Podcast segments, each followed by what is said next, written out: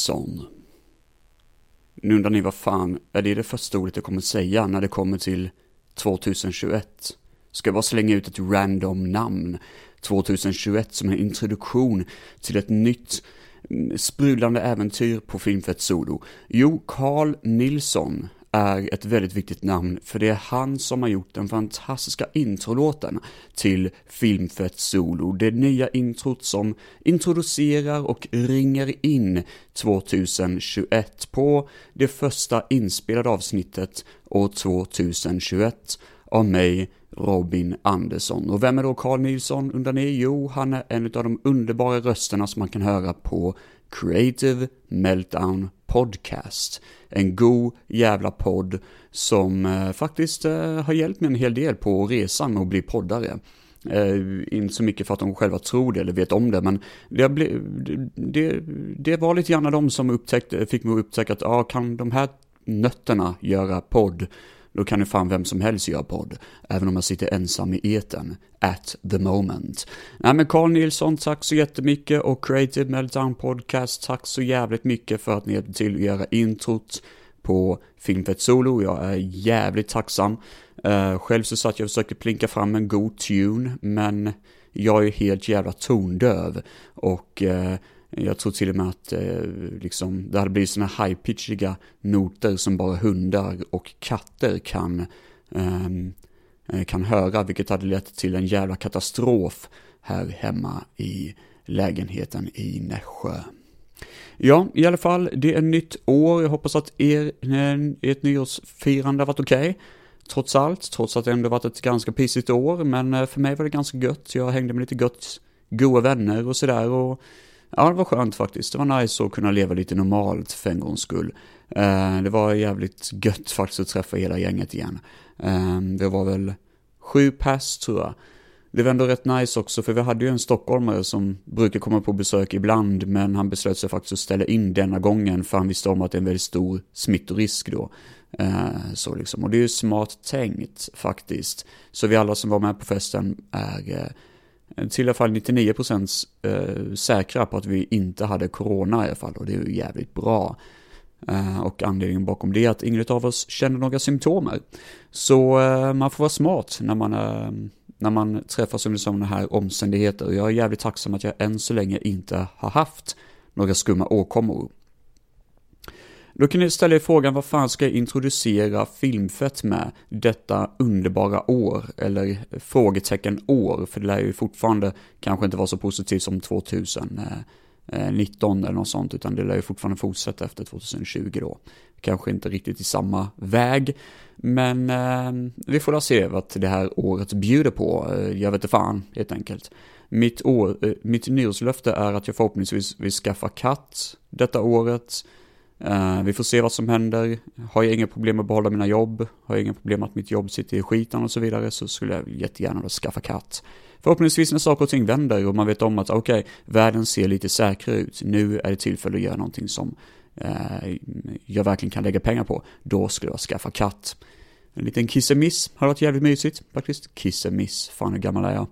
I alla fall, idag så ska jag snacka lite grann om superhjältefilmer. Och nej, det kommer inte vara så mycket Marvel och DC. Det kommer inte vara de här självklara titlarna, för det vill jag faktiskt dedikera till ett avsnitt till var och en för sig. För jag har en del intressanta saker att säga om det. Det kommer bli en jävla massa saker att kötta igenom i de avsnitten, men jag kommer vara ganska selektiv och kanske inte stanna så länge på vissa av titlarna. Utan istället så kommer jag idag fokusera på att snacka om en del udda superhjältefilmer, kanske de som man inte tänker på först. Det kan ändå vara baserat på serietidningar, men det behöver inte vara någon sån här Oh my God, uh, Batman, Uh, fan, nu kommer jag inte på någonting. Ja, men skitsamma. Ni fattar, jag kommer inte snacka om sånt som de flesta tänker på när de kom, tänker på superhjältefilmer, utan jag kommer prata om de lite mer annorlunda, gömda skatterna, uh, eller gömda skiten. Det kan vara värdelösa filmer, det kan vara roliga filmer, det kan vara otroligt dåliga produktioner. Och vissa minns jag ju sådär, så jag kommer stanna ganska, eh, alltså vi får se helt enkelt vad avsnittet bär av. Men lite hidden gems inom superhjältegenren hade varit kul att diskutera. Men för det första, så det här är inte det första jag ska introducera med, nej för fan. Jag vill ju fortsätta kolla på Miami Vice och eftersom jag kör en skiva i taget och avvaktar med att göra ett avsnitt på Filmfett Solo om varje episod så kommer jag såklart att eh, liksom snacka om det idag för då kan jag fortsätta kolla på Miami Vice i veckorna som kommer. Så damer och herrar, without further redo, eller vad fan det heter, nu kör vi med Miami Vice säsong 3.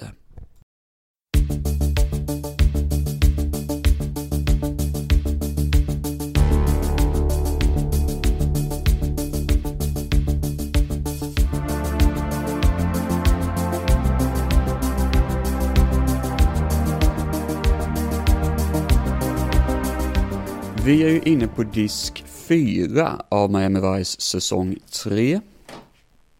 Och eh, dagens avsnitt börjar med Down for the Count Part 2, eller Part 2.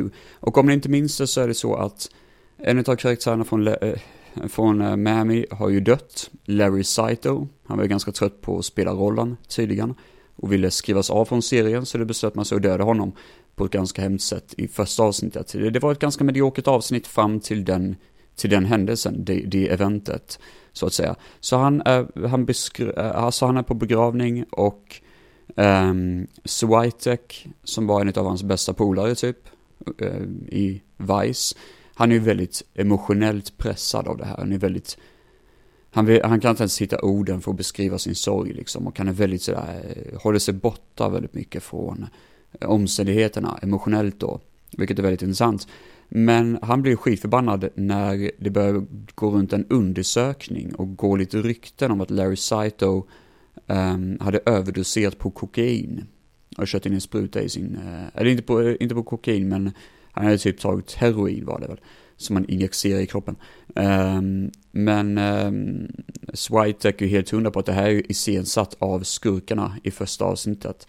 Men däremot så är det lite sådär att det blir en undersökning lite grann, för det visar sig att Larry Saito har haft problem med alkohol tidigare och gambling problems och så vidare.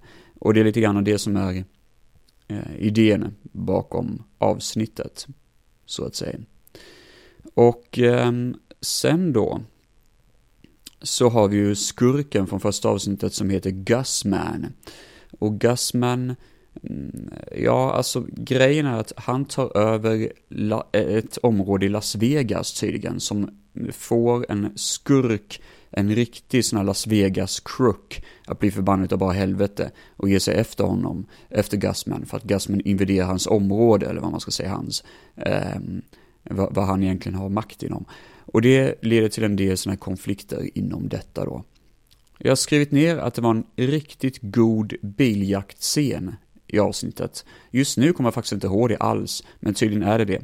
Och överlag en, ett bra avsnitt, det var mycket bättre än eh, Part 1, tycker jag i alla fall, för det är mycket mer eh, spänning bakom det. Och eh, man gillar ju ändå att Switek får mycket fokus som en mer känslomässigt pressad karaktär. Även om man tycker att han som skådespelare kanske inte riktigt lyckas ibland leverera det som jag hade velat se. Ja, sen har vi ett ganska tomt avsnitt efteråt som heter Cuba Libre. Jag ska väl säga att jag var väldigt off när jag såg det avsnittet. Eh, det utspelar sig i, ett, i en väldigt flott byggnad, det är en väldigt flott fest och helt plötsligt så rånas festen då av några rånare som skjuter ihjäl han som ägde festen och såklart så var han offret då, kokain-dude. Och det är mycket sån här, ja, vad ska man säga, militanta karaktärer som kommer från Kuba och Ja, jag, jag, jag, jag, det hela var väldigt tomt. Det är väldigt mycket ett filler-avsnitt. Eh, och det bjuder egentligen inte på så särskilt mycket. Så det finns inte så mycket mer att säga om Cuba Libre. Det var ett väldigt tråkigt avsnitt. Jag kommer ihåg att eh, han, eh, Crockett springer runt i eh, djungeln någonstans i Kuba typ och leker Rambo nästan. När han dödar folk en efter en. Och det, ah, jag vet inte, det är ganska tråkigt avsnitt faktiskt. Duty and Honor Eh, nästa avsnitt då. Ja, det här är ju jävligt bra, faktiskt en av de bästa.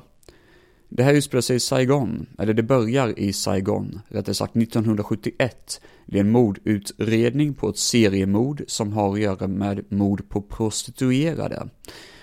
Och Martin Castillo, som då är chefen för Miami Vice, var ansvarig för att utreda det här mordet då i Saigon 1971. Nu då i Miami tio år senare så um, dyker liknande fall upp i Miamis gator och Martin Castillo blir indragen i det här och blir sådär, fan vad intressant, det är samma mördare, alltså det har gått flera år, vad fan har hänt under den här tiden liksom? Så han börjar undersöka väldigt mycket med det hela och lägger såklart hela Vice-styrkan på caset. Och mm, vi har en vietnamesisk inspektör som dyker upp i avsnittet som heter Trang.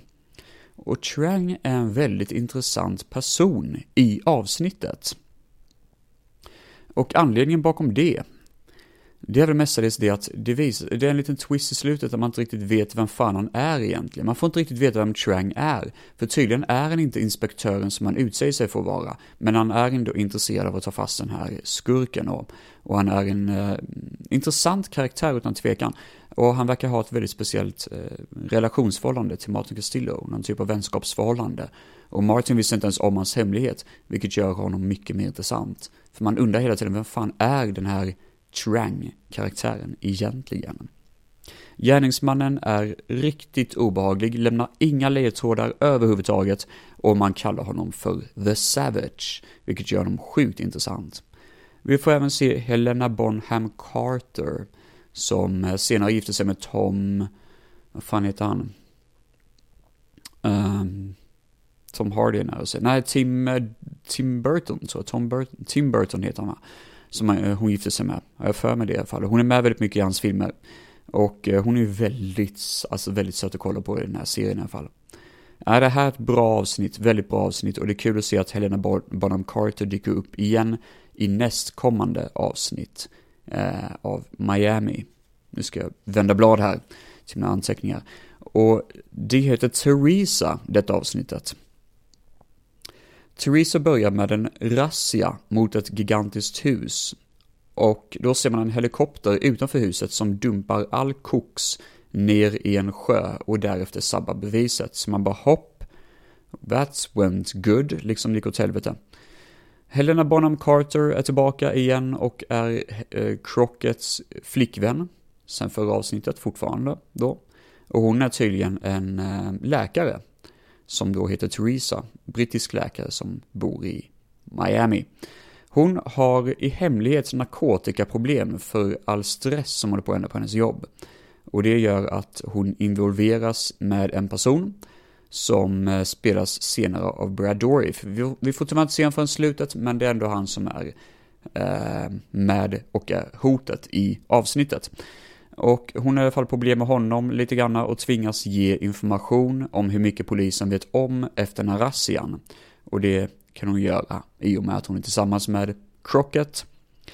Och Don Johnson och Helena Bonham Carter har en jävla stark encounter när Um, Crockett får veta detta, så de träffas face to face och Crockett snackar väldigt mycket om hur mycket problem hon har lagt honom i, men han snackar också väldigt mycket om hur mycket han tycker om henne, och det är jävligt välgjort. Man fattar direkt att de här två karaktärerna har ju en kemi, och man tycker väldigt mycket om det.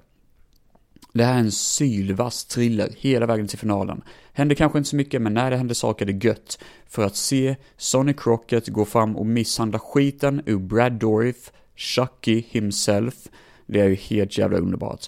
Det här är eh, makalöst vackert att kolla på och utan tvekan en av de bästa avsnitten i eh, säsong 3 utan tvekan. Så jag är positivt överraskad för det är nog första gången jag sett fyra avsnitt därav tre av dem är jävligt bra. Och en av dem kanske suger dasen. Men vad ska man göra liksom? Man kan ju inte ha allt här i livet. Nej, mina damer och herrar, nu tycker jag vi hoppar in i dagens riktiga tema med superhjältar. Vi lämnar Vice och vi drar vidare till olika nationer av olika eh, problem som behöver superhjältar i löjliga trikåer som sparkar skiten i folk. Och vet ni vad? Det finns inget vackrare än det. Superhjältar på film är ju alltid intressant. Kanske mest för att det är så jävla uttjatat. Jag är trött på superhjältegenren, jag tycker att den eh, blir uttjatig som fan. Och jag tror vi kommer gå in lite mer på det när jag pratar om Marvel. Jag tycker väl deras filmer är helt okej, okay. de är inte dåligt gjorda eller något sånt, det är de verkligen inte, men jag tycker att det blir ganska mycket same same. Många på, äh, säger ibland liksom, ja ah, men hur kan du blanda ihop James Bond-filmerna? Ja men det är typ samma sak med superhjältefilmer, hur kan folk separera dem? Det, det är lite jobbigt ibland att försöka göra det. Men sen har jag den analytiska förmågan att jag faktiskt kan ibland pinpointa vissa saker och vissa idéer som gör att alla filmerna hängs ihop på något vis.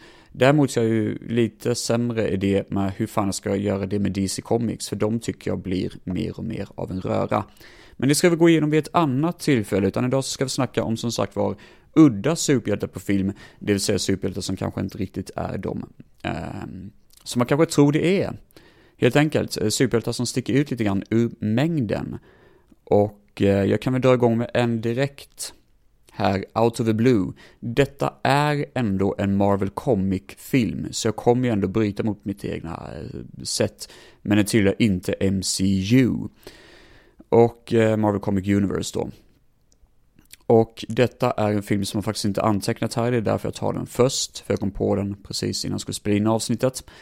Och jag pratar ju såklart om den intressanta Captain America från 1990. Regisserad av min absoluta favoritregissör, för vem tycker inte om Albert Pune? Ja, har du ögon, öga, näsa och mun och ser ut som en människa så kan du garanterat inte tycka om honom, han är jävligt tråkig. Jag vet att han troligtvis har sån här vad ska man säga, alltså det går ju rykten om att han har typ mentala problem, så att han typ nästan håller på att tappa minnet och sån skit, att han har typ Alzheimers och sånt, och det är ju jävligt tragiskt, men ändå, jag tycker aldrig han har varit särskilt bra. Han är mästare på att göra billiga B-filmer och eh, använder 0% i budget. Han gjorde den otroligt tjatiga och tråkiga filmen Cyborg. Nej, inte Cyborg, Nemesis heter den för fan.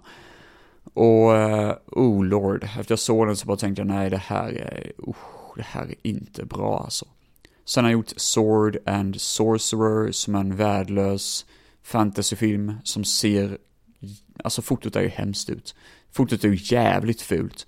Det är grötigt som fan är det överlag en film som jag inte är så förtjust i, men, eller en regissör som jag inte är så förtjust i. Men han fick möjligheten att göra Captain America och han tog möjligheten. Det här är en film producerad av gänget bakom, eh, eller en av gubbarna i alla fall bakom eh, Canon Films är det för fan. Jag har för mig de producerar den här filmen i alla fall. Eller, saken är så här, det är inte Canon Films, det är en utav kusinerna bakom Canon Films. Jag har pratat om det här företaget tidigare när jag snackade om, eh, fan heter den, Bloodsport. Men i alla fall. Jag ska inte babbla på för mycket om Trivia, men jag tror företaget inte fanns kvar när de gjorde Captain America. Vilket märks, för i början av filmen har de ganska hög budget.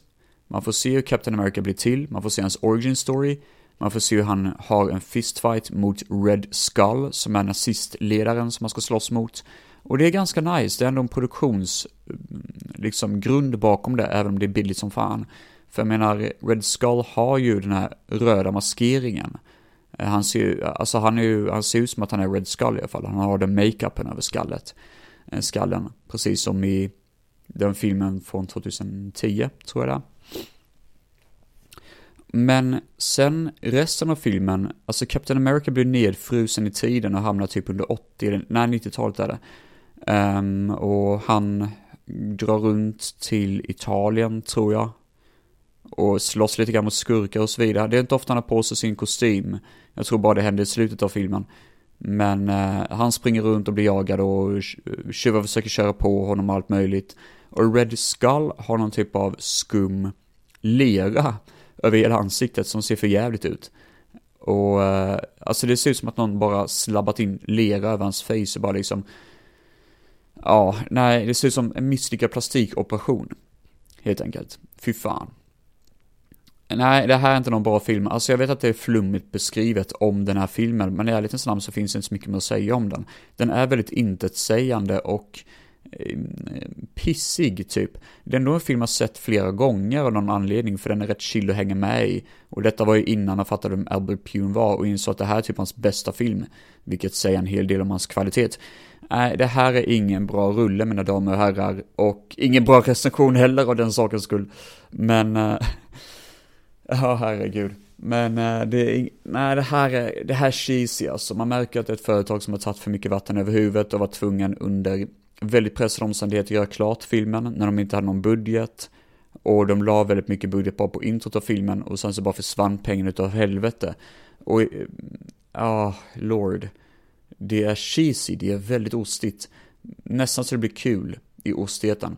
Det sjuka är också det att han som spelar presidenten i den här filmen, för presidenten blir kidnappad väldigt lätt av Red Skull.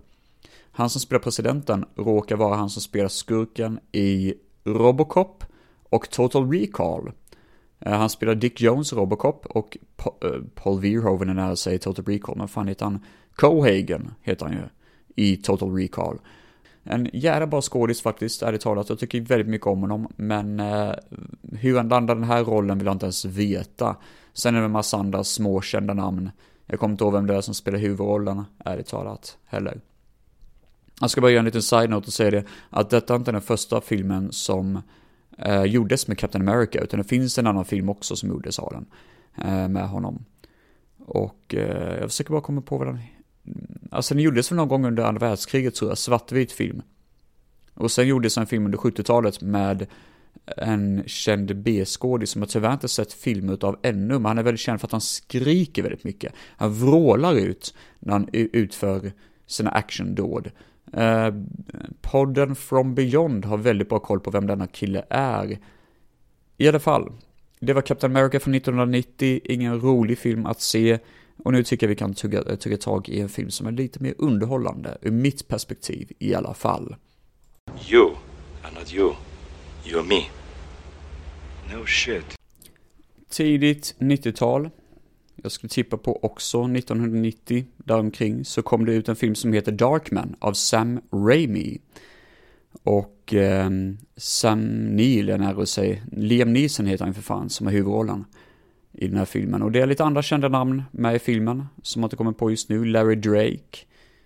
Vet jag att han spelar skurken, men så är det en kvinna som, jag tror hon heter Frances McDormand. Som spelar kärleksintresset i filmen. Darkman är ju en film som redan blivit recenserad av bland annat Creative Meltdown Podcast. Och de minns den säkert bättre än vad jag gör. Men jag minns faktiskt den här filmen väldigt positivt. Jag vet att många kastat skit på Darkman och tycker den är jättedålig, men jag fattar faktiskt inte varför. Darkman är tydligen, enligt vad jag, om jag inte minns fel, baserad på en serietidning som Sam, eh, eller Sam Campbell säger jag, det heter han. Um, han som gjorde Darkman igen. Fan heter han, nu glömmer jag bort det. jag sa det namnet innan, i alla fall. Regissören gjorde filmen. Och, ehm, eller gjorde, regissören gjorde, regissören gjorde filmen, för fan vad flummig jag är. Regissören gjorde serien som filmen är baserad på. Och det här är någonting han gjorde bara som han aldrig sålde, så det finns ju inte ute att få tag på. Och um, det handlar om en kille som heter någonting med Blake i efternamn har jag för mig. Han håller på och experimenterar med att göra syntetisk hud. Och detta är för folk som har blivit brännskadade och så vidare. Vilket är intressant, för det råkar bli att han blir missförstådd eller hamnar i en situation där han blir ifrågasatt av ett gäng skurkar. Den här huvudkaraktären dejtar en tjej som råkar vara typ sådär någon sån här jag kommer fan inte ihåg men det är revisor eller någonting och hon har råkat få ta, alltså få med sig ett papper som hon inte skulle läsa. Hon har ändå, ändå inte läst det eller tagit reda på någonting om det här pappret egentligen. Men skurkarna får veta det och jagar tag i huvudrollen då, Liam Neeson, för att försöka ta reda på var hon är någonstans. Men han blir bränd och torterad till döds i sitt egna labb. Det exploderar till bara helvete. Och på grund av de här skadorna, alltså han flyger verkligen som en projektil långt bort som fan. Och på grund av de här skadorna så gör det att det är omöjligt att, att identifiera vem denna brännskadade person är. Så han placeras på sjukhus. Det ges en massa sprutor och skit, men det indikeras på att han faktiskt, hans skade liksom, han är så skadad att han inte känner någonting typ. Han har blivit immun mot smärta av någon anledning, för att det är någon nerv som har gått sönder eller sånt. Och i alla fall, de plåstrar om honom, han flyr från sitt sjukhus och tar på sig en mantel. Vad hade hänt om mumien hade tagit på sig en stor mantel, typ? Och blivit en superhjälte, typ, lite sådär. Han har på sig en stor kappa över sig, som är skitcool. Och eh, springer runt på gator och torg i slafsiga kläder och eh, ser brännskadad ut och pratar med väldigt konstig röst. Typ. Sen använder han sin gamla teknik med att göra fejkade masker för att kunna infiltrera den här kriminella organisationen och stoppa den onda Blake och rädda hans flickvän som fortfarande tror att han är död.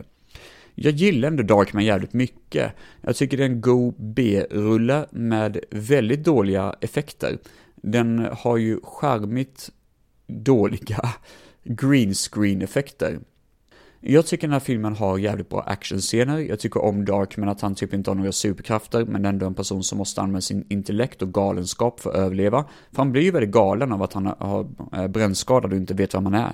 Han har ju typ i stort sett tappat sina minnen, nästintill i alla fall, och blivit mer av en psykopatisk mm, psycho. Det finns en Darkman 2 och en Darkman 3, jag har inte sett någon av dem, jag har bara sett ettan. Men jag har spelat ett spel till NES som är i stort sett ospelbart. Ni måste nästan se gameplay själva för att fatta det, för det ser fan inte bra ut. Han glider runt som en, ja, jag vet inte vad, som såpa i ett badkar typ, och så ska man försöka tajma med att hoppa rätt då. Nej, fy fan för sådana här dåliga plattformsspel. Det är riktigt risigt. Jag kom aldrig förbi första banan, men det är faktiskt första gången som jag introduceras i Darkman. Tack vare att jag hade en emulator på PC där jag spelade Darkman tv-spelet. I alla fall, det är en helt okej okay, solid film, alltså underhållande rulle med rolig skurkprestation och campy ostighet. Um, take this fucking elephant, säger jag bara, och uh, se filmen. Det är en god film, alltså det är en skön rulle. Kanske inte lördagsfilm, men kanske lite mer en vardagsfilm som man kan se på vardagen om man vill se en cheesy action superhjältefilm med uh, lite klyschor och lite pang-pang och lite eh, humor involverat som uh, som jag tycker faktiskt eh, fungerar jävligt bra i filmen. Darkman, en stabil eh, rulle enligt mig.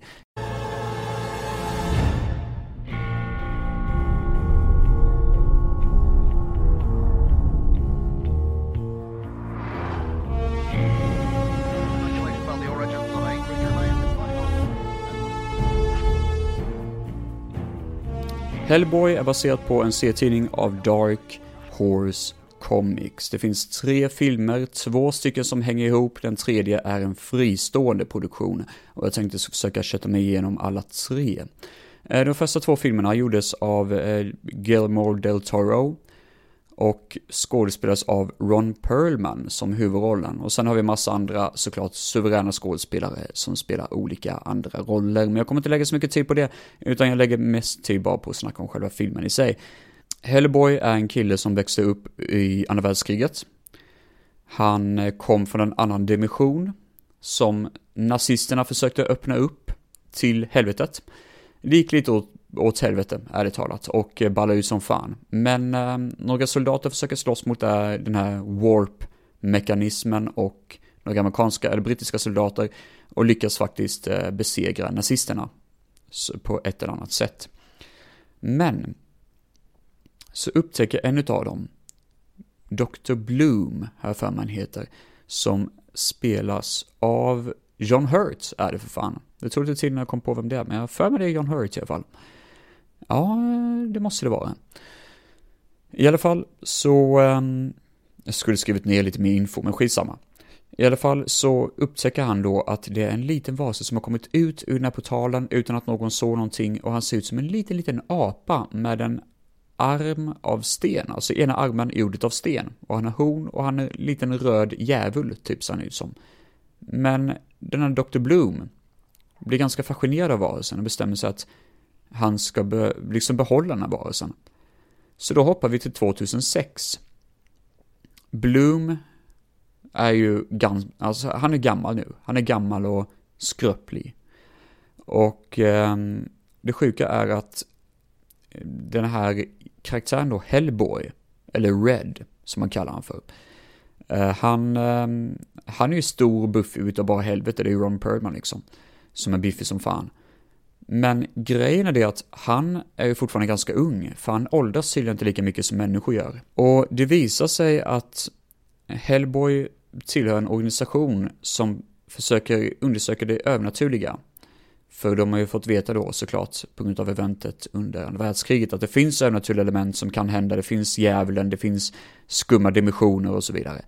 Och deras, eh, deras jobb är liksom att skydda världen från ondska utan att synas i stort sett. Det måste vara en hemlighet för allmänheten. Vilket såklart Hellboy är lite svårt för, för han gillar inte att hålla sig gömd. Han vill vara ute i friheten och känna sig att han kan leva som en vanlig normal människa, typ. Och han är ju lite gritty sån här, alltså Hellboy är ju en, en karaktär som ser jävligt hemsk ut. Men han är också ganska, mm, vad ska man säga, alltså gritty. Han är, han är inte den klassiska superhjälten, goody two shoes superhjälte, utan han är lite superhjälte för han måste vara det typ. Så han springer runt med cool revolver och coola vapen och skjuter bad guys och jagar efter monster och så vidare. Och eh, han är kär i en tjej som kan bränna upp saker med eld och så vidare. Och hon är typ Hellboys love interest, men de är inte ihop riktigt och det blir lite drama över det. Men den stora main storyn är att huvudskurken från introt av filmen, han som var en av nazisterna, han har kommit tillbaka från de döda. Um, och blivit typ en ond präst från helvetet i stort sett. Som vill sätta igång de här effekterna och sätta världen i brand i stort sett. Och ehm, med hjälp av några varelser och några monster och så vidare så ska man, han försöker få den här planen att gå igenom. Och uh, Hellboy måste göra allt vad han kan för att försöka stoppa den här djävulen alla miljöer och alla set pieces i filmen är ju väldigt coola, väldigt häftiga och väldigt mysiga det hela. Och det är det, det jag gillar, det, det är väldigt gotisk cool miljö, det känns lite grann som Mortal Kombat, det är kul att kolla på. Det är skelett som snackar, det är märkliga fällor och märkliga områden och märkliga liksom sådär konstiga ställen helt enkelt. Jag gillar det som fan. Och sen så är det lite äckliga kryp och skit, för jag kommer ihåg att det var någon scen då Abe, just det, Abe har vi inte snackat om, han, han är en utomjording som kan andas under vatten. Och han kan typ inte göra så mycket mer, han kan bara simma och se cool ut. Så han simmar under vatten i en scen och jag för man attackeras av någonting. Han tvingas fly från någon jävla grej som han simmar från. Någon demonisk fiskliknande historia för mig. Och det var en jävla obehaglig scen. En annan grej som jag tyckte väldigt mycket om med filmen är en av fienderna som ser ut som karaktären Voldo från motherfucking eh, uh, Soul Calibur. Och den här snubben har ju typ två svärd här för mig och skitsnabb. Men det äckliga är att han är typ i stort sett bara bestått av sand. Han har typ fått sig själv att leva i flera år med hjälp av primitiv teknik. Vilket gör att han ser riktigt äcklig ut när han tar av sig typ sin mask och sån skit och är lite ärrad och ser för jävlig ut och mm, oh god, det ser hemskt ut liksom på riktigt. Um, någonsin så bytte han ut typ en kroppsdel och det rinner ut sand ur ett hål ur hans bröst typ. Man bara, oh god, hur gammal är den här varelsen egentligen?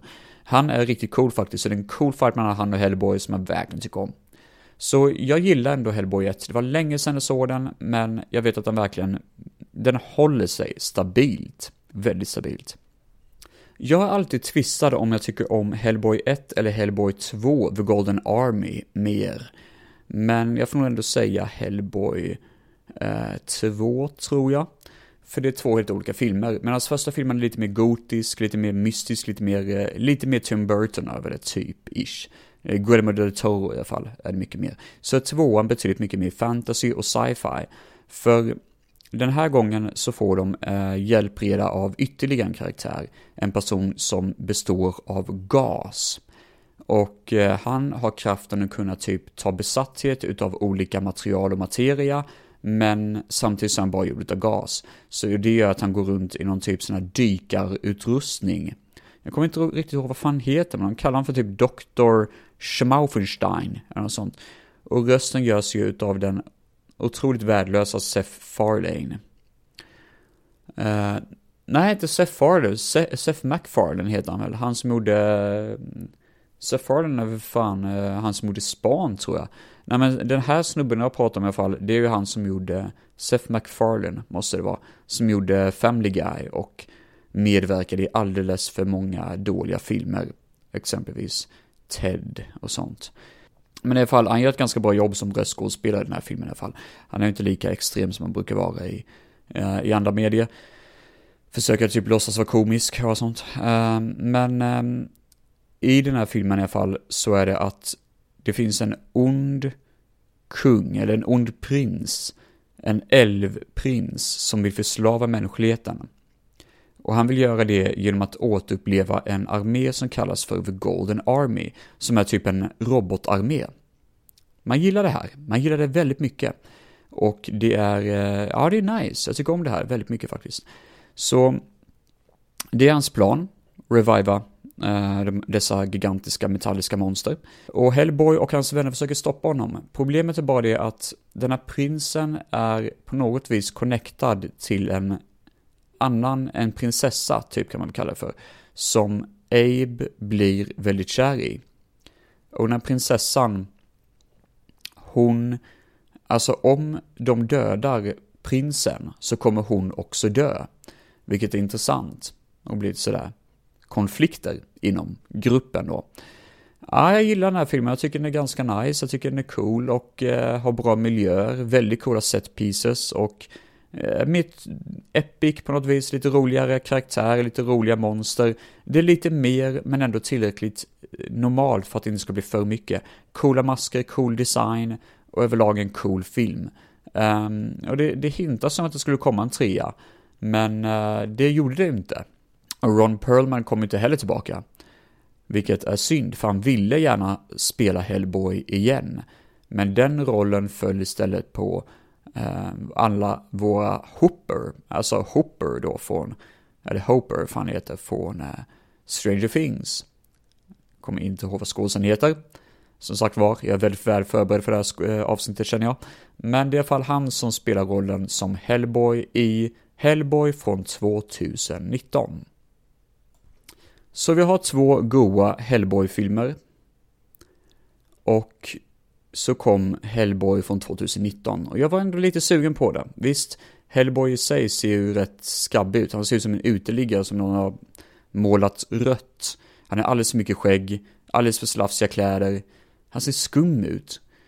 Och det tycker jag inte om. Och visst, trailern eh, visar ju inte så mycket av vad storyn handlar om, för det är någonting om en, om en häxa eller något. Men jag vill ändå se filmen, jag såg den och ja, Nej. Alltså för det första, han Harbor, vad fan han heter, John Harbor, som spelar då Hopper från eh, Stranger Things, han spelar ju rollen då som sagt var som Hellboy. Han eh, gör ett okej okay jobb. Men jag vet inte fan, det är någonting med manuset tror jag som gör att det blir väldigt tjatigt. Hellboy klagar 24-7. Det är verkligen allt han gör. Klag, klag, klag, klag. Han klagar på allting utan att vara charmig eller rolig. Det är bara det att han typ, han är som en tonåring som typ är edgy hela tiden och trött och hela tiden och han skriker väldigt mycket, han har väldigt mycket sådana här höga toner när han pratar hela tiden. Alltså hur gammal är du? du? Du ska ju ändå vara ganska vuxen, eller hur? Varför beter du dig på det här sättet? Det är konstigt. Storyn är ju det att Hellboy ska försöka stoppa någon typ av häxa. Jag tror det är Femken ja, fan, vad fan heter hon? Jemk Fank, Jensen heter hon väl. Um, som eh, bland annat spelar Jean Grey i X-Men-filmerna. För mig det hon i alla fall. Uh, om inte så är det väldigt likt henne. Och uh, hon spelar då en häxa som är ganska intetsägande. Som tydligen blev mm, typ halshuggen och delade massa olika delar och hennes kroppsdelar spreds över världen. Och nu några skurkar, kommer inte ihåg vilka det var faktiskt, som vill försöka få sätta ihop henne igen. Och um, jag kommer ihåg att Hellboy slåss mot tre gigantiska jättar i en scen som är ganska cool. Och han åker in i någon annan dimension där han slåss mot Baba Yaga en annan typ av häxa. Och det tyckte jag var coolt när han slåss mot en annan häxa. För då tänkte jag så här, okej okay, vänta lite nu, varför gör de inte en film på Baba Yaga istället? Det var kul som fan. Baba Yaga är någon, en myt och legend som att det känner till sådär jättemycket. Det var kul att se den som en riktig skurk. Men det här är bara eh, liksom ledtråden till den riktiga häxan då. Sen är det någon kvinna som kan prata med de döda. För tydligen är det hon som ersätter då Liz som hade eldkraften. Eller är Liz med i den här filmen med? Jag minns faktiskt inte. Det är det som är problemet med, med den tredje Hellboy-filmen, att den är väldigt, väldigt lättglömd. Och inte har någon riktig story typ. Det känns som att de bara gjort filmen för att behålla rättigheterna kring karaktären. Men jag vet inte, det är bara jobbigt att se så mycket flams. Det var kul annars att se någon typ av klassisk actionfilm. Men jag tycker inte det funkar för att den är för tjatig på något vis. Det är någonting, de har inte inspirationen nog för att kunna göra något unikt av det. Och nej, det här är eh, ganska ohållbart faktiskt. Det är inte en värdelös film, jag ger den ändå ett okej okay betyg, för jag kan ändå tänka mig att se om den någon gång. Det är ju inte någon film som man sitter och spyr åt när man ser den, men det är ändå en film som man känner att, nej, vad höll de på med egentligen? Vad var poängen? Vad var syftet? Jag fattar inte vad de är på med. Men ibland tycker man ju att det är lite tråkigt att se superhjälte hela tiden. Det har varit kul att se superfiender. Och då vet jag vad ni tänker. Ni tänker på Minions och de här Despicable Me. Men det kommer inte jag ge mig in i. Jag sitter och suckar bara och tänker på det. Jag har sett tvåan tror jag det var. Uh, Despicable Me 2. Och jag kom faktiskt inte ihåg mycket av den. Um, eh, jag kommer istället prata om Megamind, vilket jag tycker är skitkul. Megamind handlar om ett, eh, alltså en person som föddes med någon konstig åkomma, det är Disney, tror jag det Han föddes med konstig åkomma som gjorde att han var väldigt blå om kroppen. Och medans han växte upp i någon sån här, eh, jag för mig det var att han växte upp i samma skola som hans motståndare, en superhjälte då. Och superhjälten var ju en kille som typ alla älskade. Bara, ah, han är så cool, han är så stark, han är så ball, han, han kan allting den här killen. Medan Megamind var typ liksom svag som fan och blev aldrig utvald och hade aldrig vänner och så vidare liksom. Eh, så han eh, hade typ ingenting att leva för egentligen. Vilket såklart är anledningen bakom varför Megamind blir den skurk han blir. För när han är vuxen så är han en skurk, han bor i en stor lya och har länge pratat om hur han vill ta över världen. Och jag minns inte riktigt hur fan det är, men han har en strid mot sin fiende, superhjälten i filmen, hans nemesis. Och han har en strid mot den här killen. Och det lustiga är att av någon anledning lyckas han faktiskt eh, mm, döda skurken, typ. Alltså döda sin fiende. Superhjälten är död. Och han är ju sketalycklig över detta. Han är ju så jävla glad över det här, det här Megamind. Han springer runt och steppdansar och allt möjligt och lyssnar på musik och allt. Jag tycker det är skitkul. Men eh, sen inser han ju att okej, okay, nu har jag tagit över staden. Och alla är livrädda för mig. Och det är jag som är president, det är jag som är kung, det är jag som är mästaren. Vad fan gör jag nu? Typ. Och det är det som är så kul, det är det som är så himla roligt, för han har verkligen inget motstånd alls. Okej, okay, ska jag råna en bank? Är det här redan gjort? Ska jag stjäla pengar från ett barn? Är det gjorde jag måndags? Typ så liksom. Han har ingenting att göra och det är så jävla roligt att det visar hur viktigt det är med motståndet i den här filmen. Så han bestämmer sig för att skapa sin egna superhjälte eh, som han ska kunna besegra. Och eh, han hittar någon unge, eller någon jobbig jävel som han vill förvandla till en superhjälte. Men grejen är att det slår slint lite grann. Superhjälten blir jävligt egoistisk, mycket värre än vad Megamind någonsin har varit. Och ja, det blir hans fiende då genom filmen. Ja, jag tycker den är rolig faktiskt. Det är en god jävla film, Megamind. Um, garanterat värt att spana in. Kanske inte den bästa animationsstilen, den ser ganska flummig ut i animationen.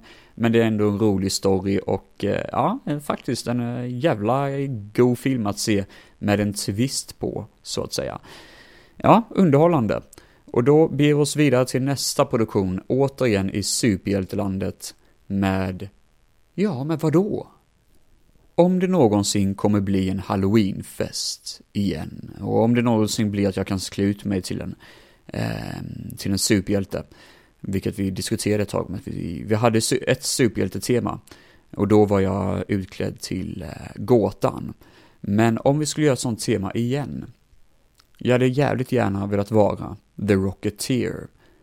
The Rocketeer är en film som jag har VHS på, jag vet att jag nämnt den tidigare i alla fall, utan tvekan. Och eh, det handlar om en kille som är flygpilot. Han flyger runt i en liten sån här, ehm, eh, alltså det är andra världskriget. Han flyger runt och showar av med sin med sitt plan. Han är en sån här show artist som flyger runt med ett flygplan. Och eh, han råkar av misstag då, av ren jävla slump, eh, upptäcka en jakt, en biljakt, ner på mark. Lång historia kort, så lyckas den jagade personen gömma ett byte i huvudkaraktärens eh, eh, plan. Och det här bytet, eller byltet, är en jetpack.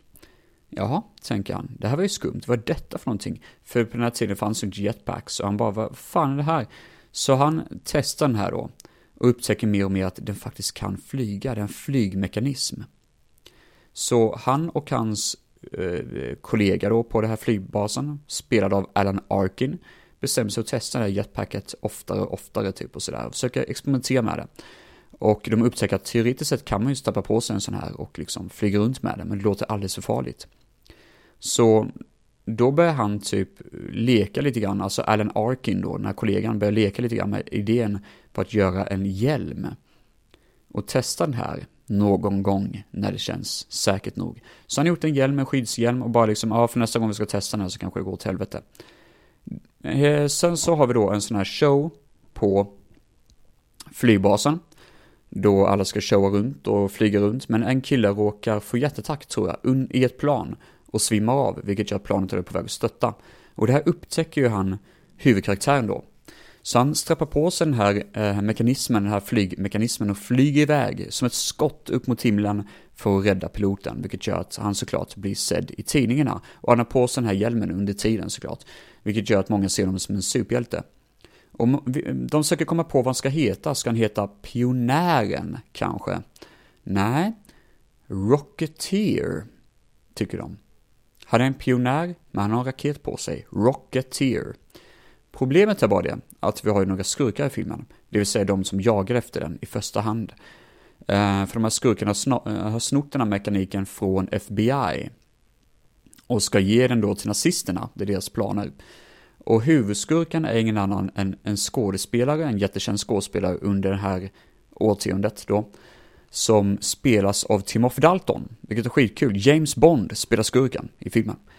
Och han har ju en fling tillsammans med Jennifer Connelly. Och problemet är att Jennifer Connelly, eh, hon vill bli skådespelare och hon dejtar såklart huvudhjälten i filmen. Så ingen vet ju om varandras existens förutom vi som tittar på filmen typ. Det är en riktigt cool film som dras igång här med mycket fart i sig, mycket flygsekvenser och mycket eld och mycket, en del, um, en del sådana här mm, um, halvdana, blu, alltså blue screens effekter som kanske inte ser sådär jättebra ut. Men annars utöver det är det en god jävla film. Jag har sett den här filmen två gånger och jag, jag, tycker om den. Det är en skön jävla rulle och jag rekommenderar verkligen att spana in den. Jag vet att Savi, den brittiska sidan, har en del riktigt snygga utgåvor på filmen och eh, det är någonting värt att spana in utan tvekan. The Rocketeer, god jävla rulle faktiskt och eh, den har allting man behöver. Det roliga också är att regissören råkar vara samma snubbe som gjorde Captain America The First Avenger. Och även om den filmen kanske är en film som folk ibland till viss del inte tycker om, så kan jag säga en sak. Att om ni jämför Captain America för First Avenger med Rocketeer så ser ni likheterna. Båda slutar bland annat på med att slutduellen är på ett flygande skepp, vilket är ganska kul. Och eh, det har mycket med nazismen att göra, det har mycket med mm, mm, liksom klumpigare superhjältar som kanske inte kan lika mycket i början och så vidare. Äh, jag tycker om Rocketeer och jag rekommenderar att spana in den. Riktigt god 90-talsfilm med bra skådespelare, bra musik och överlag en good feeling. Äh, det här avsnittet måste avslutas på en sad note, tycker jag. Och det gör vi med att dra igång en riktig motorsågs katastrofal film. Och jag menar med det att den borde fan sågas isär med motorsåg. Jag pratar om Steel med Shaquille O'Neal, Shaq himself. Han hade ju några filmer då han ville bli skådespelare, fråga mig inte varför. Uh, jag har sett denna, jag, det är nog den enda jag kommer på att jag har sett. Och, uh, ja, det är inte bra. Icke bra. Det handlar om att det finns några soldater som ska testa eh, vapen, typ speciella sådana här, speciella typer av vapen. Men det går åt helvete, den här vapenmekaniken går åt helvete och skadar hela platonen, bland annat en tjej som blir eh, förlamad från midjan och neråt då. Och Jack råkar vara en av soldaterna, väldigt övertygande såklart, som att det är han som är. Mm. Och han eh, hänger då väldigt mycket med den här tjejen, typ, och är ju hennes best friend forever, typ. Men så är det så att det är mycket kriminalitet i staden. Um, alltså det här är väl typ något år senare, det är mycket kriminalitet och skit och han vet inte vad han ska göra. Hans vänner har problem och alla har problem och det är mycket rån och så vidare. Och jag, jag vet faktiskt inte varför, men av någon anledning så känner han ju en kille som har en sån här skrotupplag. Och eh, han lyckas få ta på något speciellt vapen, något liknande vapen som de testade tidigare i filmen. Som är typ en hammare som kan dra åt sig metalliska föremål. Eh, som en magnet. Och skjuta någon typ av stråle också, jag kommer faktiskt inte ihåg.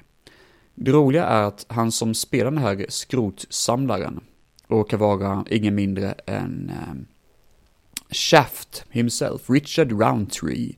Och han säger typ I like this hammer, especially the shaft. Hopp, kul. Eh, jävligt roligt sagt där då. Fan, den har du tänkt på länge. Nej, men Chuck Eh, tar på sig någon typ av metalldräkt. Ser ut som en eh, gummidräkt, men det ska vara metall tydligen. Alltså det ser hemskt ut. Han... Ja, herregud, vad gör han egentligen? Han åker ner för ett gäng, alltså sådana här mm, escalators, alltså rulltrappor, jättelångsamt till en inbrottstjuv. Eller till en tjuv som ska stjäla ett pars väska. Och inbrottstjuven blir jätterädd. Man bara, vad fan, va? Det, det är bara Shack, typ. Och, nej, oh, lord, det ser fan inte bra ut. Och sen är skurken typ hans före detta general som spelas av en av de här Rat Pack-skådisarna. Eh, Eller nej, Brat Pack kallar man det för.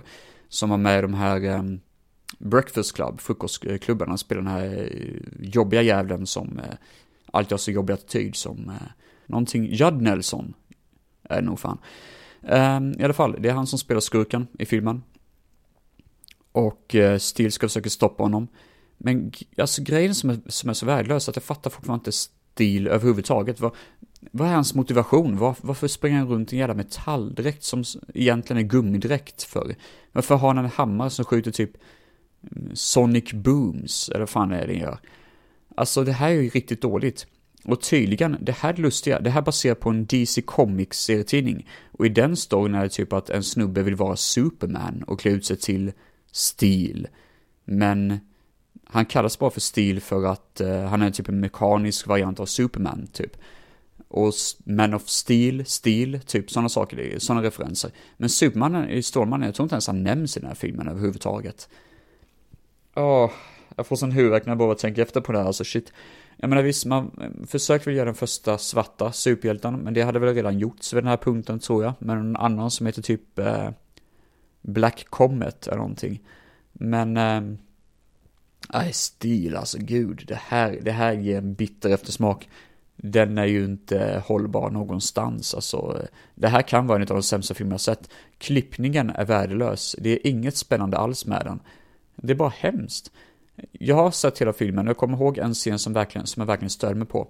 Då en person håller en granat, drar bort sprinten och ska kasta den med ett hål. Och sen så dyker Steel upp och bara, eller han ska göra någonting med den här granaten i alla fall, han ska kasta den någonstans. Och då dyker Steel upp och bara, nej vänta lite, jag kan kasta den. Ja men det är lugnt, det är lugnt, jag, jag, jag har en chans här, jag kan kasta den, så tar han granaten. Ja men det är lugnt, det, här, det här kan jag, det här kan jag liksom. Och det här scenen håller på så himla länge. Sen så kastar han den, det blir slow motion när granaten faller ut genom ett hål, eller vad fan det är, och sen exploderar. Men det är ändå sådär, det tar en evighet. Det tar fram mer än en minut. En handgranat håller ju inte en minut in, eh, efter man lagt ut sprinten. Det har man sett på många filmer i alla fall, att den sprängs efter typ fem sekunder någonting. Det är jättekonstigt. Och nej, det är mycket som ur ett filmperspektiv är värdelöst. Alltså på riktigt, riktigt sunkigt. Eh, den är inte spännande någonstans och eh, den, eh, usch. jag får brain freeze bara prata om den här filmen. Alltså det fryser till ordentligt i hjärnan, alltså herregud. Nej. Som sagt var, Steel får bli den sista riktiga filmrecensionen. Eh, jag rekommenderar den inte. Den borde vinna Razzies om den inte redan har vunnit Razzies. Det... Apropå Razzie så tycker jag förresten att eh, han eh, som spelar Hellboy i Hellboy 3, eller den senaste Hellboy-filmen, han Harbor, eh, att han det här är så ont att säga för jag tycker om han som skådis, men han förtjänar faktiskt, han borde vinna en Razzie för den rollen. För jag tycker verkligen att han inte gör den bra. Han är väldigt enformig, jobbig att lyssna på och störande. Chuck i den här filmen kan bara inte skådespela. Han är inte född till det. Och eh, han kan inte riktigt leka med det materialet han har heller, för han försöker nog vara för seriös. Vilket i sig är jävligt dåligt. Sen har man några bubblare då, jag kommer inte smälla på så mycket recensioner med det här för jag känner att avsnittet börjar lida sig mot sitt slut. Men vi har snackat om superhjältar generellt, om en massa olika genrer, en massa olika serietidningar. Och visst, även om stil är baserad på en DC Comics så kände jag ändå att det är kul att snacka om någonting som jag inte kommer ta upp när jag pratar om DC Universe-filmerna. Um, ehm, man skulle kunna prata om Robocop, för enligt mig är Robocop en riktig superhjälte på film. Det är utan tvekan. Jag vet att vissa säger emot mig där, men jag tycker ändå Robocop är en riktig superhjälte. Han är ju ändå en polis som blir ihjälskjuten, omkonstruerad till att bli en robot och eh, slåss mot rättvisa samtidigt som han slåss mot, eller slåss mot rättvisa, slåss för rättvisa samtidigt som han slåss mot sin egna inre demon. Är han människa, är han maskin. Jag gillar det. Sen har vi Toxic Avengers såklart, som självklart är en superhjälte. Jag har redan eh, pratat om dem i mitt suveräna avsnitt om Toxic Avenger och Trauma-filmerna. Och sen har vi The Crow, som är en serie på tre filmer, om jag inte minns fel. Det kan vara fyra också, jag vet faktiskt inte. Men jag har bara sett um, ettan, och uh, det är i alla fall en superhjältegenre i sig. Tror dock den är baserad på någonting, kan vara Dark Horse eller DC Comics och sånt. Men jag för mig den är baserad på en serietidning i alla fall. The Crow. Uh, ja, det var väl alles om dagens avsnitt. Tycker det varit en eh, ganska underhållande prestation. Jag får se om jag kommer snacka om eh, Marvel eller DC Comics nästa gång. Får se vart vi landar. Men ehm, jag kommer göra ett avsnitt om Mad Max filmserien och troligtvis jag kommer ha, eh, vet det, ehm, gäster till avsnittet. Och jag kommer troligtvis även prata om Class of 99 den suveräna sci-fi-filmen någon gång längre fram i år. Det är det som är planerat just nu. Men annars så får ni ta hand om er, mina damer och herrar, och ha det jävligt bra. Glad fortsättning på er, eller god fortsättning på er. Och återigen, tack så jättemycket Carl Nilsson och um, Creative Meltdown Podcast för att ni assisterade med musiken. Det är strålande och uh, ja, ja, ni gjorde min dag, kan jag garantera er. Tack så jättemycket or hey.